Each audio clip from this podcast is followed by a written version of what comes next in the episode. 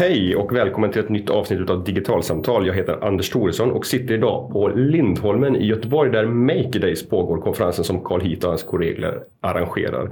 Och öppningstalare här idag har varit Neil Selvin som är professor på Faculty of Education at Monash University. And uh, he's with me right now. Hi Neil. Nice, hey. nice to have you on.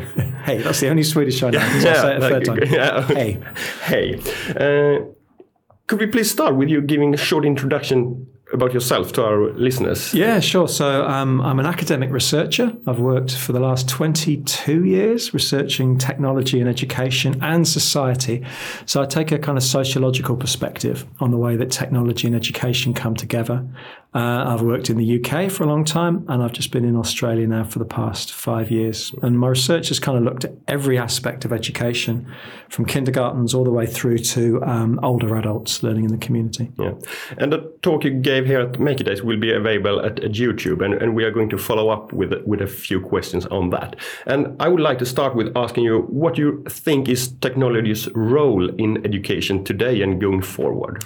I guess in some ways, technology is just part of everyday life and it's part of everyday education. So in some ways, it, doesn't make any sense anymore to to make a distinction between technology and no technology, being online, being offline. It's just part of the the kind of the water that, that we all swim in, and it's because education is just part of that. So uh, we, you cannot talk about education today without talking about digital technology. I'm also interested in the question about what um, education's role in technology is, because I think I mean, really interested in this way that technology is both shaping and is shaped. So, in other words, yes, technologies do have a presence in schools that has an influence on the things that happen in schools. So, yeah. technology just change stuff. But technologies themselves are also shaped by the context in which they're used. And so, education can kind of change the nature of technology use and the way that people understand about technology. So, in short answer, um, everything. Uh, but a longer answer is it's a really interesting thing about what, how education has changed with technology. And in the future, I'm sure technology is going to be an even more prevalent part of education, but also an ever more kind of invisible part of education. It's fading into the background now. So we're getting used in education to some really pervasive technologies that are just becoming commonplace. So surveillance technologies, for example, management technologies, these are just becoming part of everyday education. So one of the things is to actually kind of for academics to do is to try and divert, not divert our attention, but kind of focus, refocus our attention on these technologies, which are really important in terms of the way that schools and universities work, uh, and get us really thinking critically about the way that technology is is, is shaping us to do things in schools. Yeah. Okay.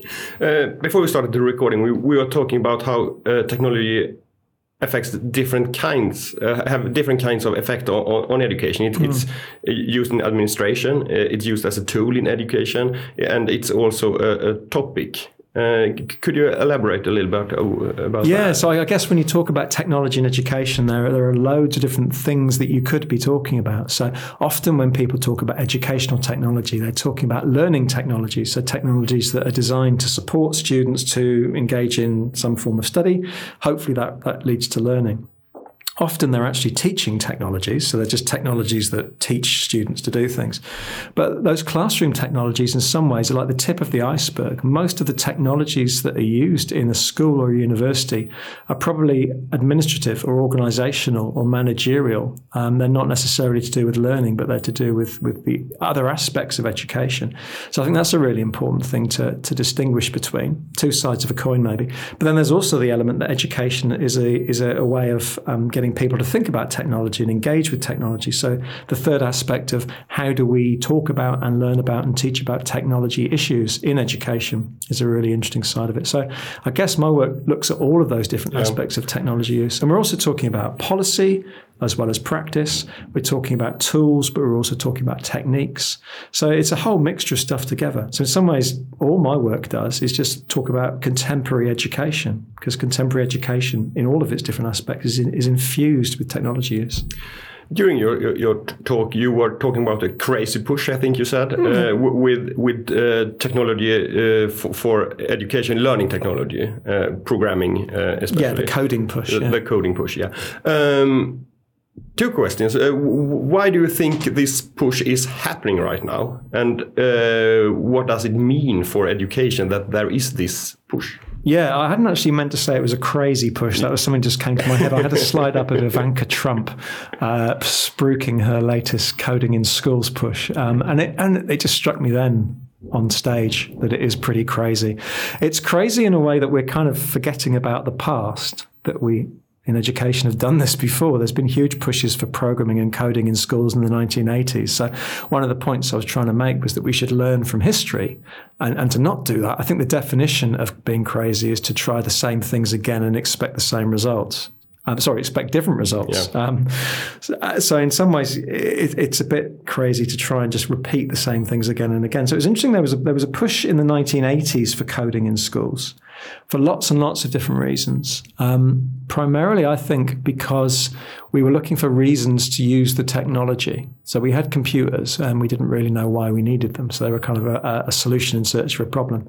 And so learning about the computer was an obvious way of getting them into schools. Um, and there was a sort of uh, there were worries about the uh, the fourth industrial revolution and uh, microelectronics and you know having a workforce that could use this new technology. And then it all subsided and Maybe in the 2000s, there was much more of an interest in critical media literacy and digital competence. But this programming thing has resurfaced during the 2010s um, again.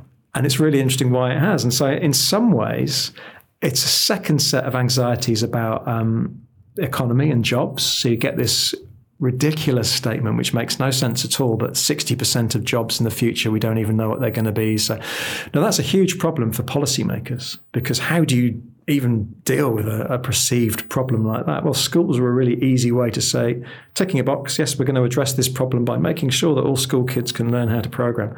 Um, there's also been a push in terms of computational thinking and 21st century skills over the past 15 years, which is a similar set of anxieties about how on earth are we going to just prepare society, workers, citizens for the future. And it, again, it was a really flaky thing that was not very easily uh, put into practice. And so coding is a very neat way to say, oh, yes, and we're also going to tick the computational thinking, design thinking, 21st century skills box.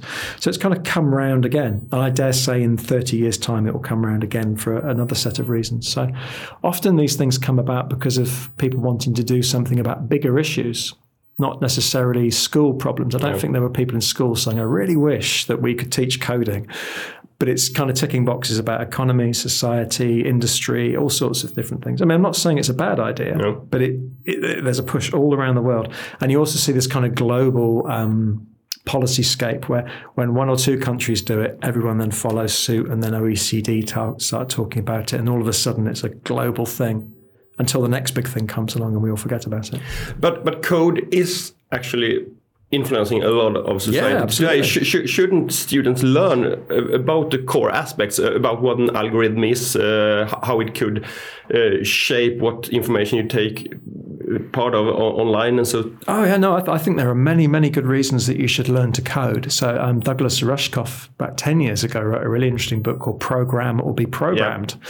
so in terms of um, kind of critical understanding of technology being able to open up the black box of, of a computer for example and understand how it works is really powerful. So in terms of citizenship it could be a core aspect. Now i'm not sure that that's why coding is being pushed into say swedish schools. And i'm not sure that that's actually the type of education and learning and teaching that's going on.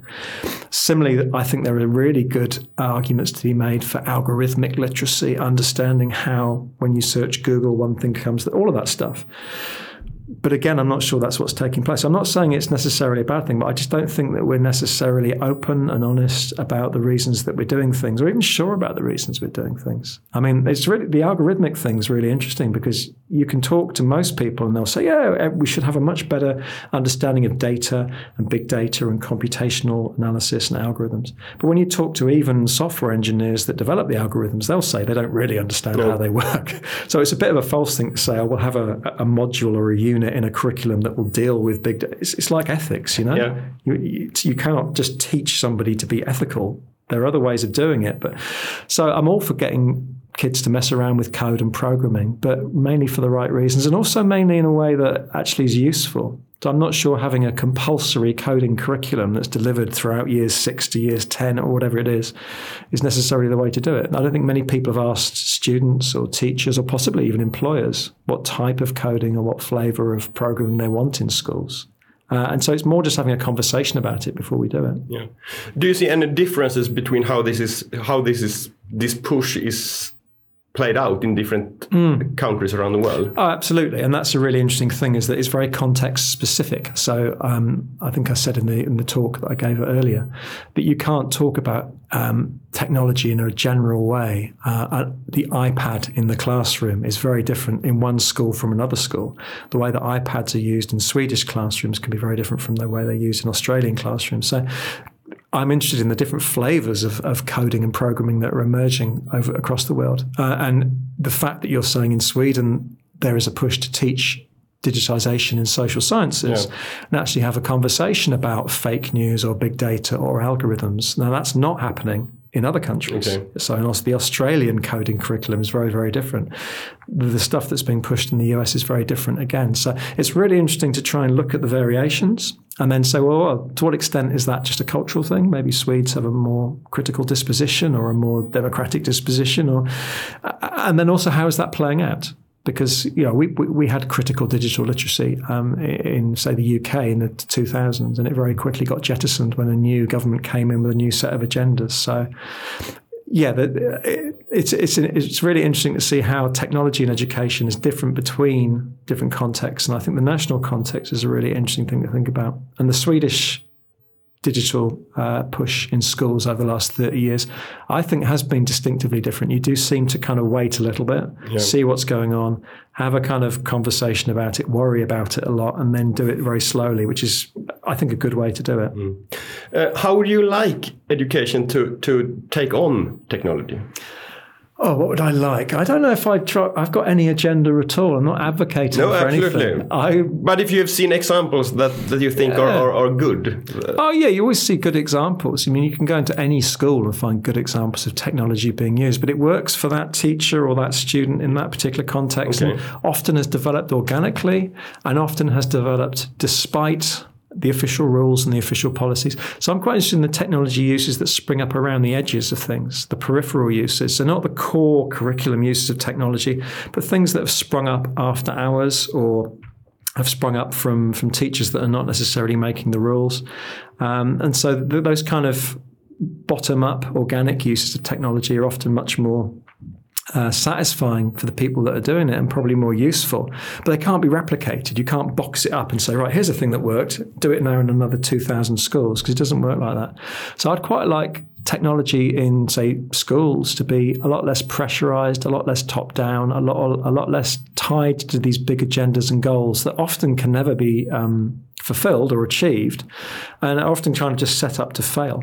Whereas if we were just a bit more um, probably a bit less un, less un, sorry a bit less certain, a bit more uncertain, a bit more exploratory, a bit more experimental, a bit more willing just to fail with technology. Then the this, pressure would be off. This has to happen in each and every classroom then, and each teacher finding a way to, to use technology to teach about technology that suits them and their students. Yeah, I mean, I'm, I'm, i guess I'm up for the the appropriate use of technology, and I think often that involves not using technology. So, I mean, it's always a cliche, but one of the most important things that a teacher needs to know about with technology is when not to use technology and have the confidence to say, "No, I'm going to do it this way." So, I think um, I'm I think technology is always the end of any conversation in education. If we're talking about education, we're talking about getting students to learn things, perhaps, improving their life chances, giving them skills or dispositions or some form of change in, in a student. There are loads of different ways of doing that, and we, we know from 100 years of schooling how things happen. And then at the end of that, technology might support some of those things happening. So I guess it's the appropriate use of technology um, okay. that I'm, I would like to see. And I'd also like to see it uh, far less pressurized. And a lot of that pressure, I think, comes from non educational sources. I think often policymakers are a force for, for good rather than evil, but policy puts a set of pressures on schools to use technology in particular ways. Parents put pressures on schools to use in particular ways. And the IT industry, the ed tech industry, I think is, is a huge influence on that. So I'm really interested in the way that the IT industry and, and the commercial aspects of, of, of ed tech uh, are playing out because increasingly now it's not policymakers or teachers or schools, municipalities that are pushing these things and making these decisions. It's the private sector. It's Silicon yeah. Valley, and that's a whole bunch of other questions. And that's something that I would like to come to next. In this push for programming in, in the classroom. There is also gold rush for, for the Mm. companies developing tools for this. How should a teacher do to evaluate what what tools are actually working and what, what is just a new startup with venture capital pushing for that product that will be out of business in, in six months time? Yeah, I mean, getting a critical understanding going of the whole kind of political economy of education technology is really important. So instead, I mean, you can argue that teaching uh, critical digital literacy to students is important, but I think getting teachers to actually be kind of critical about the the um, the, the stuff that's being pushed onto them is really important as well. So being kind of savvy consumers, but also having the backup and support of school leaders and policymakers not to have to just tick a box to say they're doing education technology. I mean, it's really difficult for teachers to be critical consumers of technology because the messages are so powerful. Uh, and they're being kind of they're, they're relentlessly pushed onto teachers, and at the end of the day, teachers are really really busy people with 101 other things to worry about. Yeah. They haven't got time to engage with this because there's lots of other aspects of their job that's also mission critical as well. So you often find teachers just giving up and going, "Oh, whatever, I'll just take that app um, and, and use it," and just hoping for the best. Uh, and, and that's a really kind of dangerous thing because if you look at a lot of the, the technologies which are being used in schools that teachers are bringing in, so, um, personalized learning apps, for example, they're really powerful in the way that they reshape the agenda and the script of the classroom, the way that they have specific models of teaching and learning and specific assumptions about what education is baked into them. And as soon as you start using an app like Kahoot, for example, in Yeah. the classroom, that shapes the way that class takes place. And so all of a sudden, whatever the Swedish um, curriculum is, whatever the teacher training is, whatever the school philosophy is, goes out the window because it's the the programming and the coding of Kahoot is suddenly shaping what the students and the teachers are It's doing. become centered around the decisions that the, the developers at Kahoot has, has made. Absolutely, who were not perhaps imagining a Swedish primary school classroom when they were when they were developing it. So I'm not saying that Kahoot is a bad program No, at all, not. but on the other hand. You, you, must go into it with your eyes open.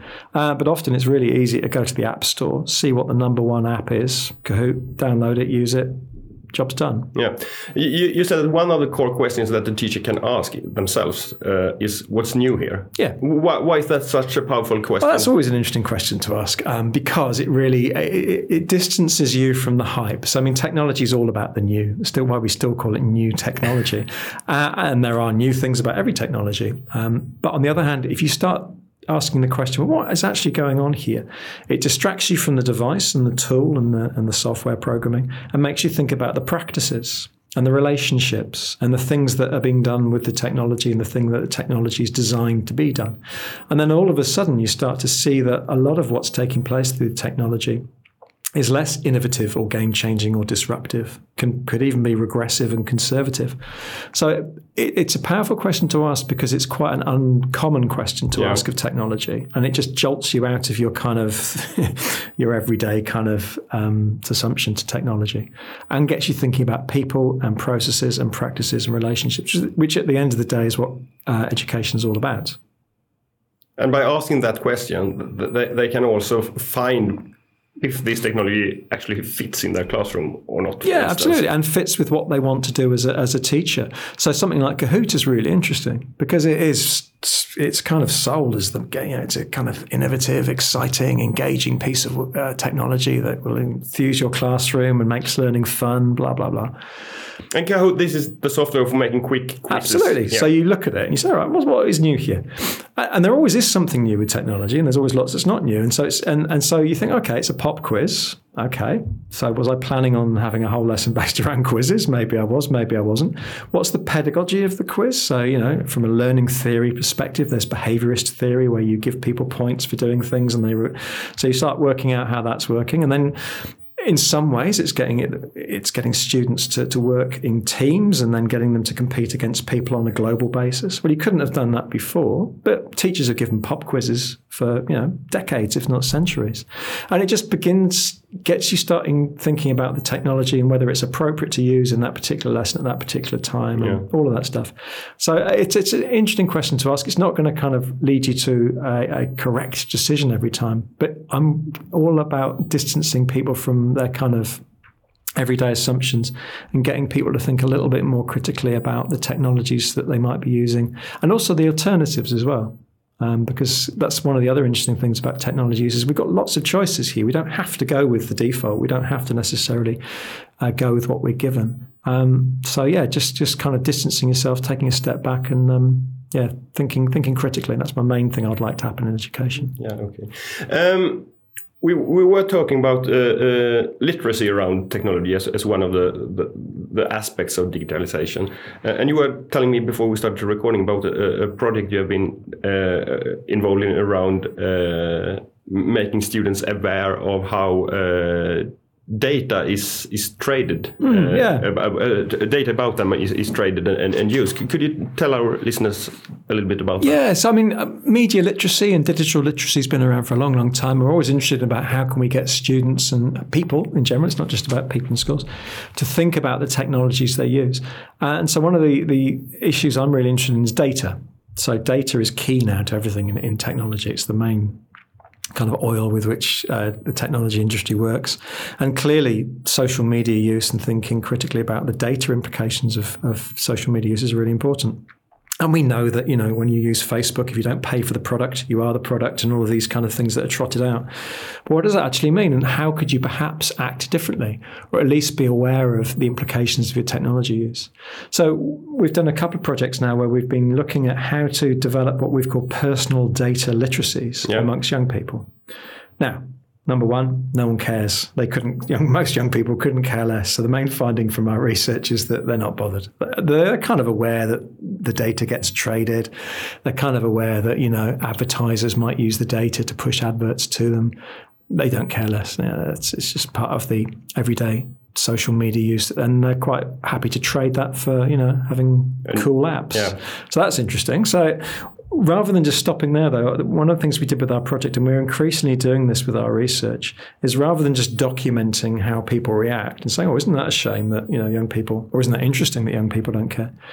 Having a more provocative element to it, or a bit more of an intervention. So, with this last two projects we've done, we've actually then got the young people to help us design to build an app that might show them their personal data, how it's being used. And the whole idea of that provocation is then to get them, provoke them to think how they might work otherwise with personal data. So we built an app that basically scrapes up your per, uh, social media um, content in terms of what you type in, what you upload in terms of photographs. Is this an app that runs on their, their cell phone? On their cell phone, yeah. yeah. And then we got young people to use this for a week or two, and then we, we showed them back the results. And there are lots of apps that do this, actually. There are, um, there's a bit of a kind of push amongst um, data activists to try and do this. There's um, Data Selfie, for example, that people could use that does the same thing. Data Selfie? Data Selfie, yeah. yeah. Even something like Light, Lightbeam will show you where your um, your data is, okay. is, is, going to. So it's not a new idea, but because the young people were involved in the development of the app, then they used the app, then they saw the results of the app, it actually generated really interesting conversations and awarenesses and understandings amongst them that they wouldn't have just had if you just talked to them about it. And so we, we were trying to get them to think about three things the way that um, the text that they inputted was was kind of analysed in terms of um, sentiment analysis, and you can do some really interesting things with text. Uh, the way that images that they uploaded, so photographs, could be analysed, say using facial recognition software. And the last thing was, was GPS, so how their positional tracking data was used. And we're also interested when you put those three things together, what can you actually ascertain?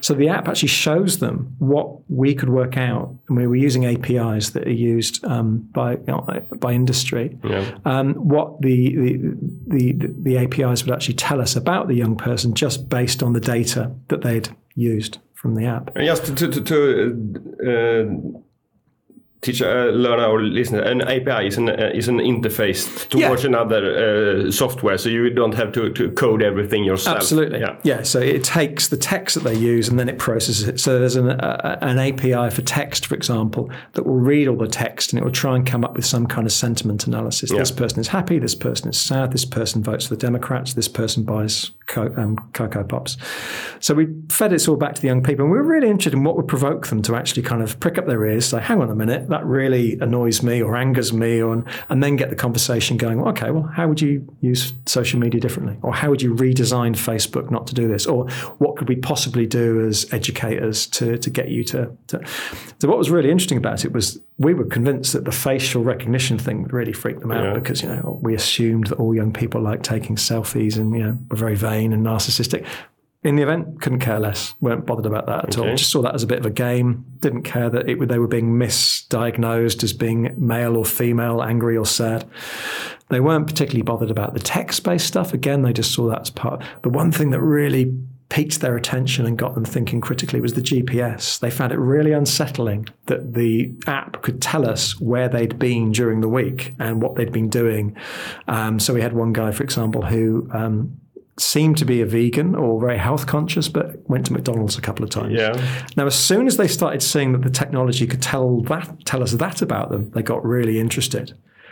One of the most basic features is a GPS. Every smartphone yeah, tells you. and, and, and, a lot of social media are actually using and displaying yeah, this. Yeah. I mean, on, on, Instagram, you can get a, a, a map view over pictures. I would say that I I would have guessed that they were already aware of that aspect. Absolutely. So what? And but but well, they were, but they weren't. Yeah. Uh, and and then it, that's how we got. And so it's a really interesting way of thinking about critical digital literacies at the end of the day, the students came up with some really interesting insights into technology use, how they may change their practices, how we could perhaps work with tech companies to be more ethical or more moral. And we got a really interesting set of discussions going, but only because we'd taken those five steps previously.